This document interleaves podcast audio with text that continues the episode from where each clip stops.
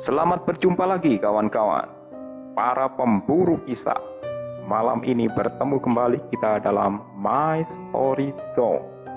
Jangan lupa siapkan headset, siapkan kopi. Tapi kalau ke belakang jangan pernah pergi sendiri. Oke, nantikan cerita kami.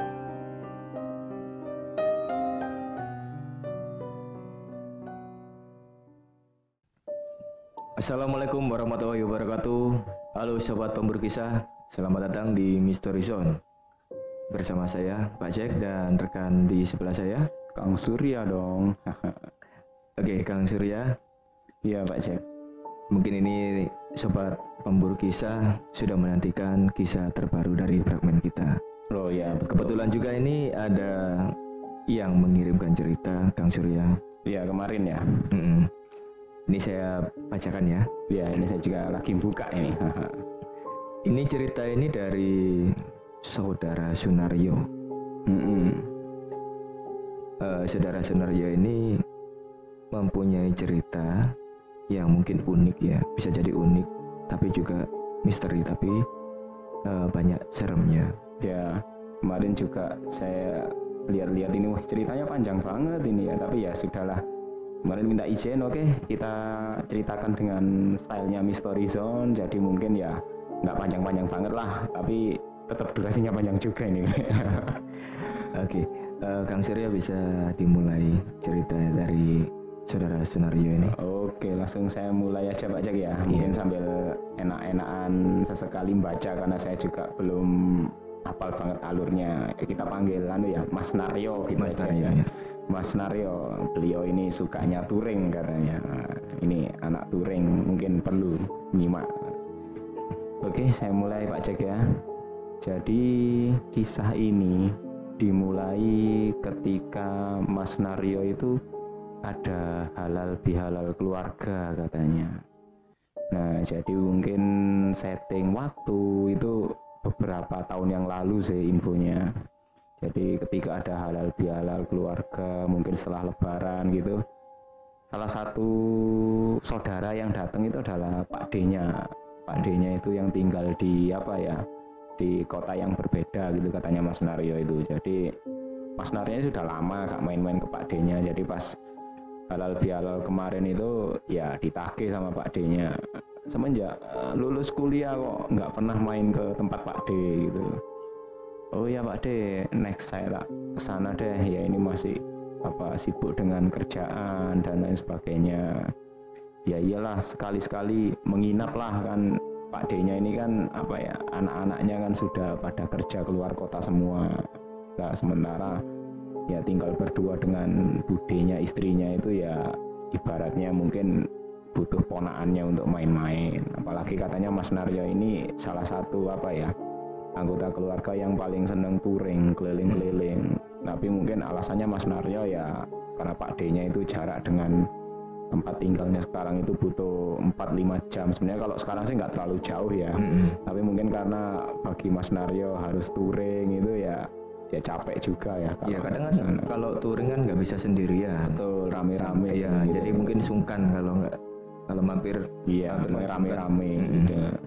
nah akhirnya karena ketemu waktu itu Pak D-nya berharap ya main-main lah menginap atau apa wah ini makin seru lagi nih pikirnya Mas Naryonya ya sudah Pak D nanti kapan-kapan saya tak main-main ke sana. Tapi kalau menginap mungkin saya nyoba nyari waktu di akhir pekan aja. Pulang-pulang kerja atau apa. Iya enggak apa-apa gitu berangkat.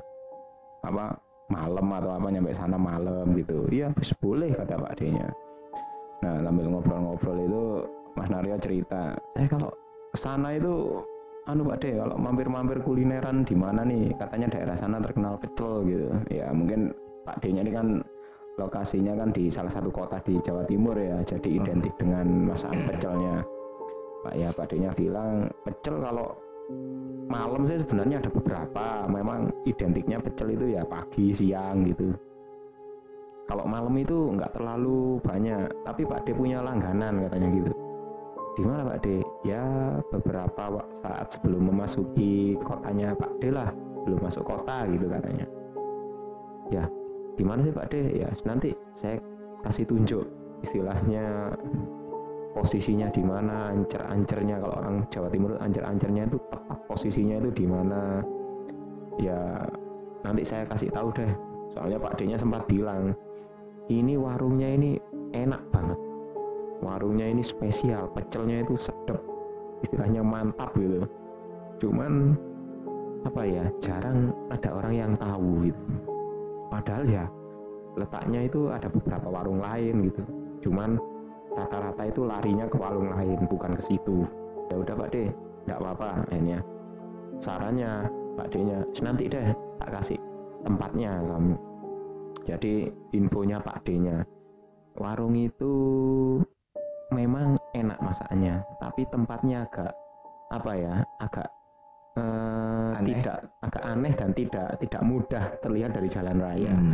ya sebenarnya kalau orang melihatnya sih katanya warungnya itu di sebelah pojokan pemakaman umum pinggir jalan. Nah Nggak itu yang lazim, nggak lazim. nah nggak lazim ya sebenarnya orang kalau melihat itu warung ya mungkin tahu tapi kan lihat pemakaman umumnya dulu daripada warungnya. Ya. Nah itulah yang bikin apa eh, Pak D-nya itu bilang enak tapi tempatnya agak istimewa. Nah dan itu pun akhirnya acara halal itu selesai. Mas Narya ini apa ya memang masih belum sempat pergi-pergi ke sana. Dan kemudian kalau nggak salah katanya dua atau tiga bulan setelahnya ya itu Mas Narya ada waktu luang.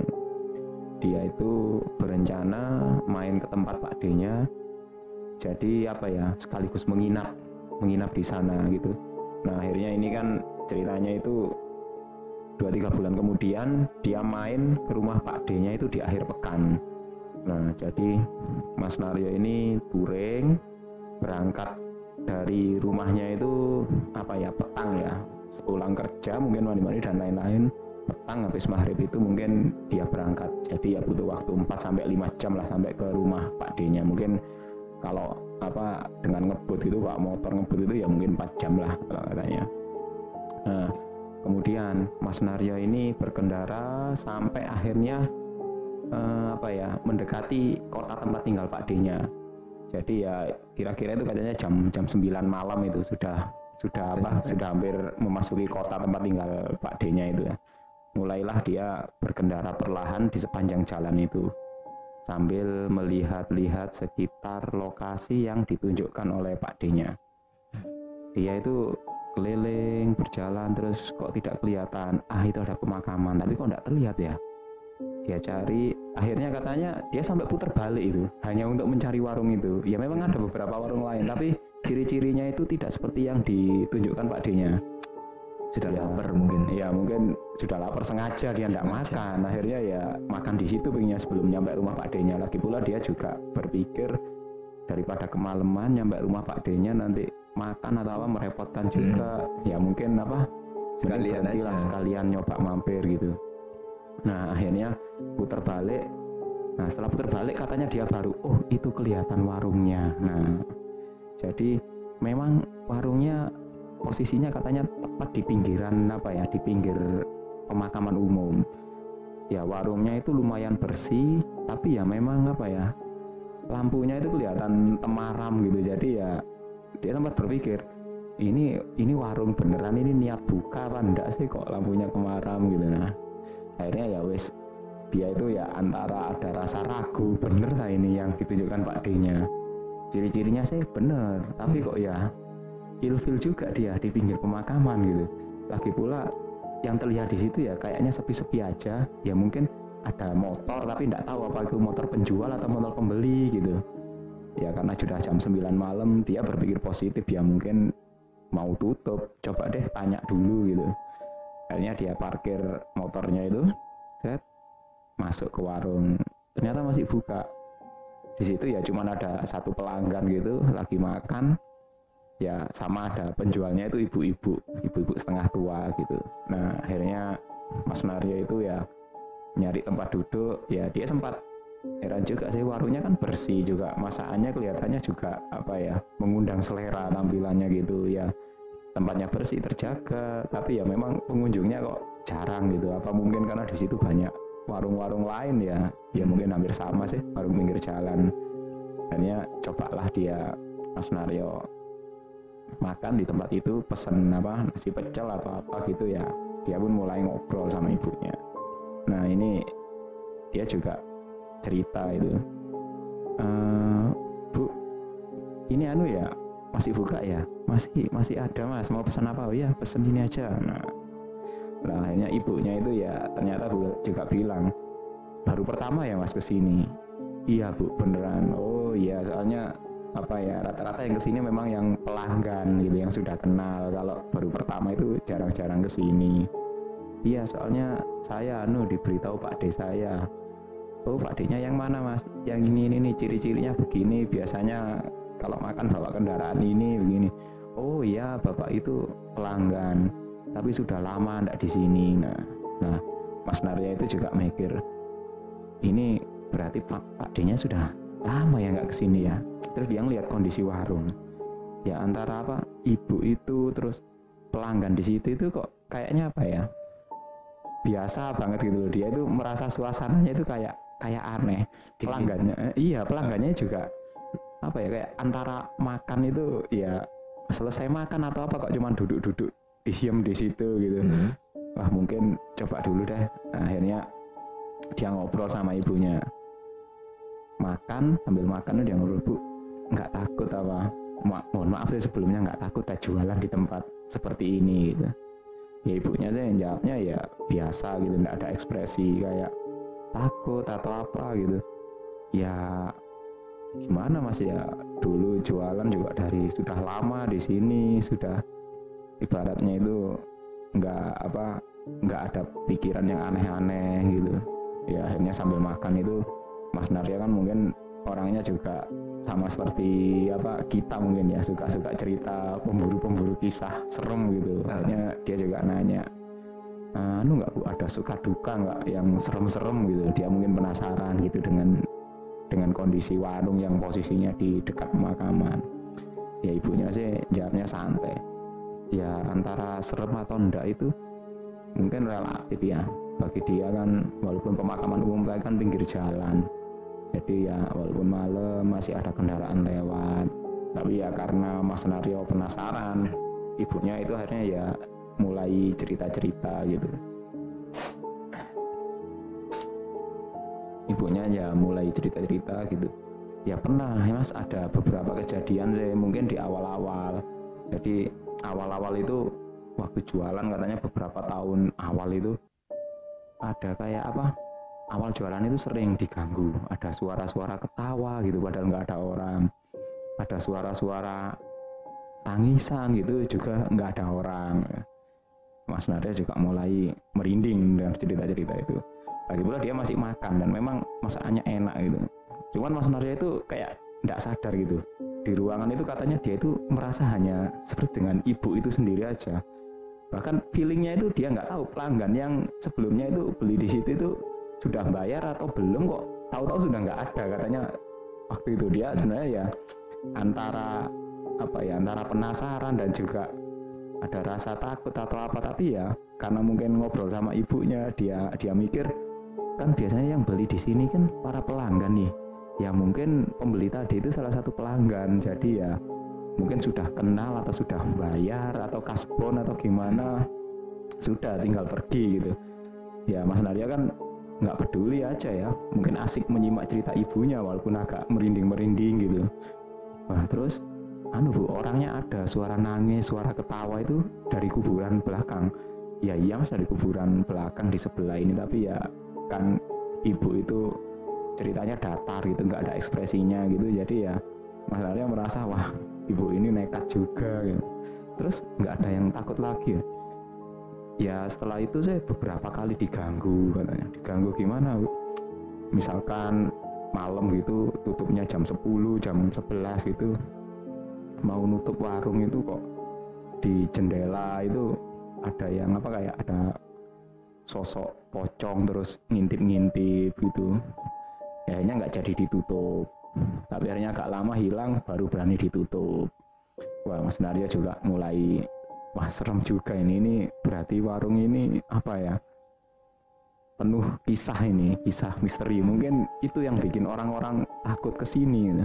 tapi orang-orang pernah diganggu nggak bu? Kalau pelanggan nggak pernah sih mas. Jarang. Yang sering ngalami waktu warung nggak ada pelanggan gitu sepi gitu. Pernah ngalami. Paling serem apa katanya gitu ya?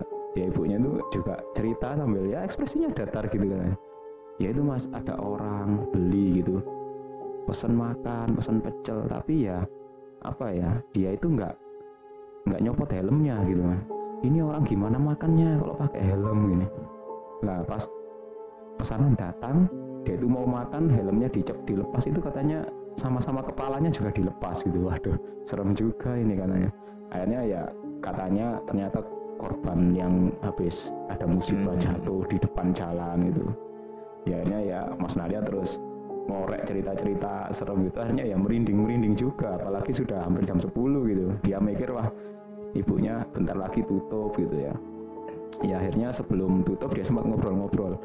Wah berarti ibu pemberani ini ya. Ya sudah gimana? Mas, namanya juga nyari rezeki gitu. Nah, akhirnya tanya tutupnya jam berapa? Ah enggak enggak masalah mas. Dilanjut aja kalau mau apa mau makan atau apa karena mas mas Naryo waktu itu merokok kan jadi habis makan dia nyalakan rokok masih lanjut ngobrol sama ibunya ya dia juga berpikir bener juga ya katanya Pak D masakannya enak tapi kok kok sepi gitu loh Hmm. akhirnya dia nanya bu ya anu yuk ya kok apa ya sebenarnya bener Pak D saya masakannya enak tapi ya mohon maaf kok sepi-sepi aja bu ya di sini apa mungkin anu bu apa tempat lampunya di depan dikasih lampu atau apa. Nah pas Mas Naryo nanya-nanya itu ya ibunya ya dia mulai anu ibu itu kayaknya ada apa ya mulai perhatian khusus sama Mas Naryo. Akhirnya dia juga cerita agak berbisi gitu. Ya sebenarnya anu mas ya relatif ya sepi nggak sepi itu ya kalau kalau saya mau jujur itu terkait rezeki kan beda-beda ya. Kalau sudah waktunya rezeki ya waktunya rame ya rame gitu kan punya lah memang kata orang-orang yang pernah beli di sini sebenarnya warung di sini itu diganggu katanya. Mas Naryo makin penasaran diganggu gimana bu maksudnya bu? Ya anu mas apa biasalah kalau usaha-usaha seperti ini kan ada semacam persaingan nggak sehat gitu. Wah diganggu itu sama siapa? Wah saya juga nggak tahu mas kita nggak bisa berburuk sangka ya. Ya semua di sini kan di apa beberapa sekitar sini kan ada beberapa warung tapi ya kayaknya mereka juga sepi kadang rame. Ya ini kita nggak bisa menuduh lah. Nah akhirnya Mas Nadia pun penasaran. Diganggu itu kayak gimana ya Bu? Apa di apa ibaratnya dikirimi hantu atau apa? Ya semacam itulah. Tapi yang sering dialami itu kala ibunya itu dulu itu apa ya ada pelanggan itu yang datang terus bilang bu saya datang siang ini. Soalnya kalau malam ibu itu warungnya tutup. Loh padahal warung saya buka tiap malam pagi sampai malam. Ternyata katanya itu kalau malam lewat itu lampunya mati nggak kelihatan kalau buka. Nah jadi kan kelihatan aneh ya. Mungkin Hmm, kayak selama ini mungkin apa ya teman-teman mungkin pernah dengar jadi kelihatannya warungnya tutup padahal juga buka. Jadi ya apa ya kayak semacam ditutupi katanya kalau ibaratnya kalau dia datang itu kelihatannya sepi lampunya mati padahal warungnya buka. Nah terus ibu itu juga lanjut bercerita bukan hanya itu saja mas. Jadi pernah itu ibu itu itu apa ya masak nasi lama itu nggak mateng-mateng padahal apinya menyala. Mm-mm. nggak mateng-mateng sampai apa sampai dia itu ditunggu berjam-jam. Itu nasinya itu nggak mateng-mateng dibuka itu masih belum mateng. Nah yang paling berat itu katanya ketika dia masak apa ya masak sayuran sayurannya buat pecel itu ya baru aja selesai ditaruh di apa eh, rak kaca itu. Nggak berapa lama beberapa nggak sampai satu jam itu sudah bau semua katanya. Termasuk juga apa kayak bumbu pecel itu.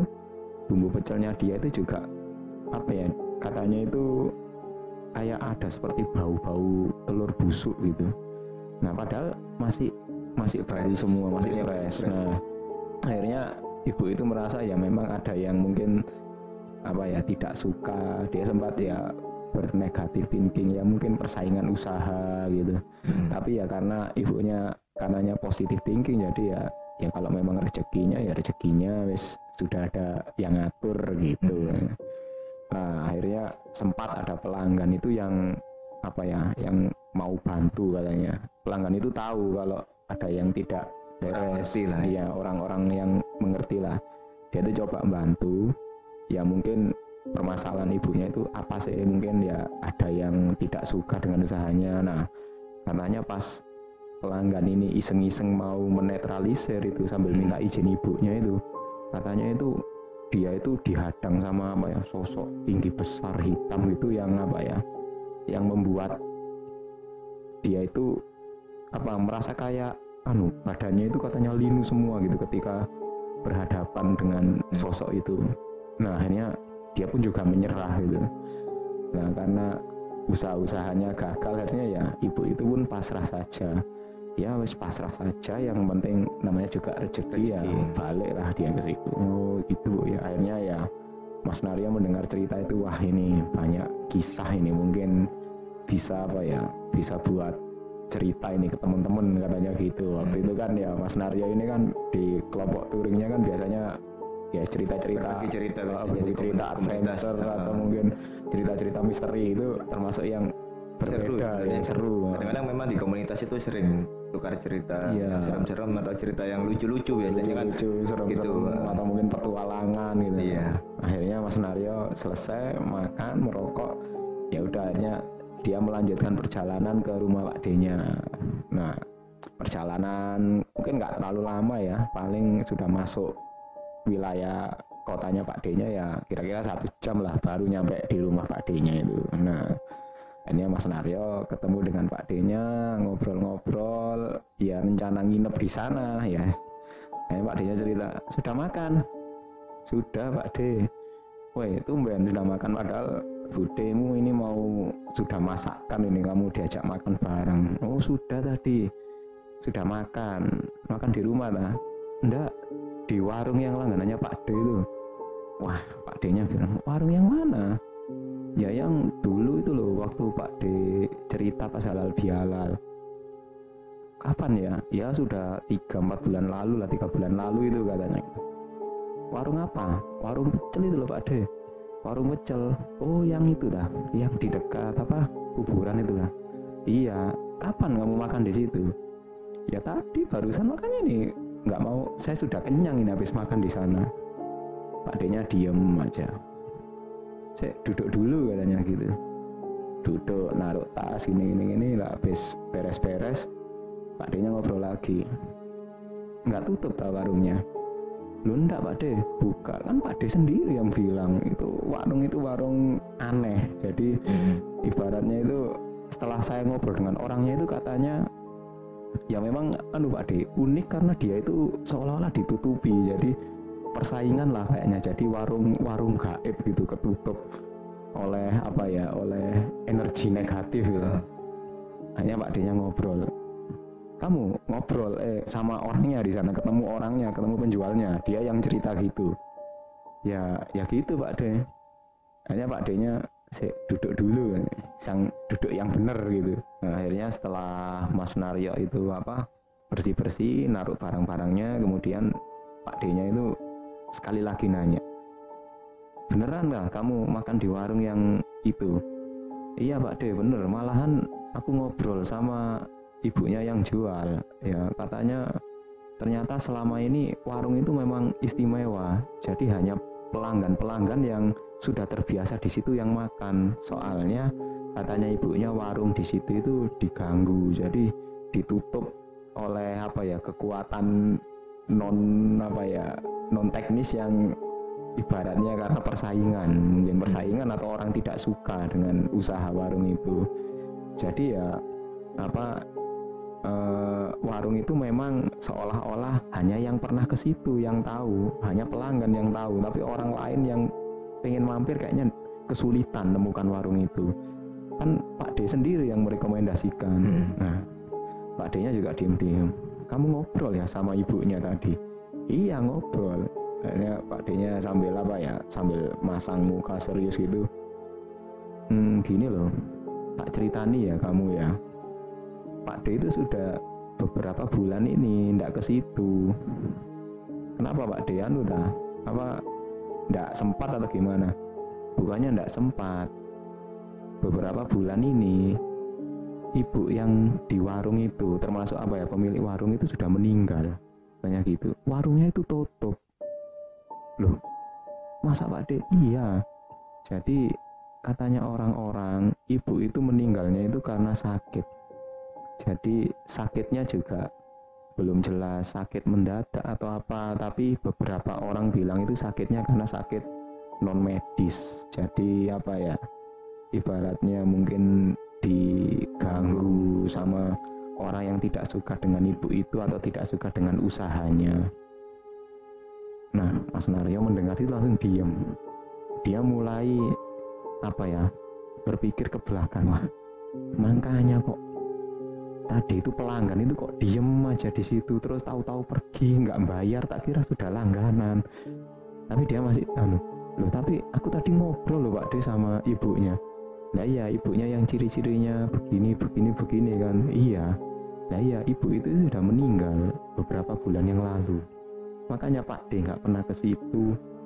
Jadi Pak De bercerita waktu halal bihalal itu ya memang warungnya masih buka tapi setelah itu katanya orangnya sakit terus meninggal. Akhirnya Mas Naryo waktu itu langsung apa ya kayak shock atau apa gitu. Dia sempat berpikir lah aku sekarang kenyang nih apa yang tak makan ya? Dia sempat mikir gitu. Ya namanya juga apa ya orang-orang yang kaget atau gimana. Katanya semalam itu nggak bisa tidur ya itu di rumah Pak D nya akhirnya ngobrol sama Pak D nya sampai apa ya tengah malam gitu. Baru menjelang dini hari dia bisa tidur. Nah, akhirnya besoknya ya wis aktivitas biasa ke Pak D-nya terus apa ya ngobrol-ngobrol sama budinya dan lain-lain. Sore harinya Mas Naryo ini pulang pulang balik karena Seninnya harus masuk kerja. Nah sepanjang perjalanan itu ketika melewati tempat itu dia coba sambil merinding itu pelan-pelan pelan-pelan gitu dilihat. Beneran warung itu ternyata tutup dan apa ya sudah sudah terlihat banget berdebu gitu. Termasuk apa kayak banner spanduk-spanduknya sudah robek-robek semua ibaratnya memang sudah nggak tutup nggak dipakai tutup cukup lama.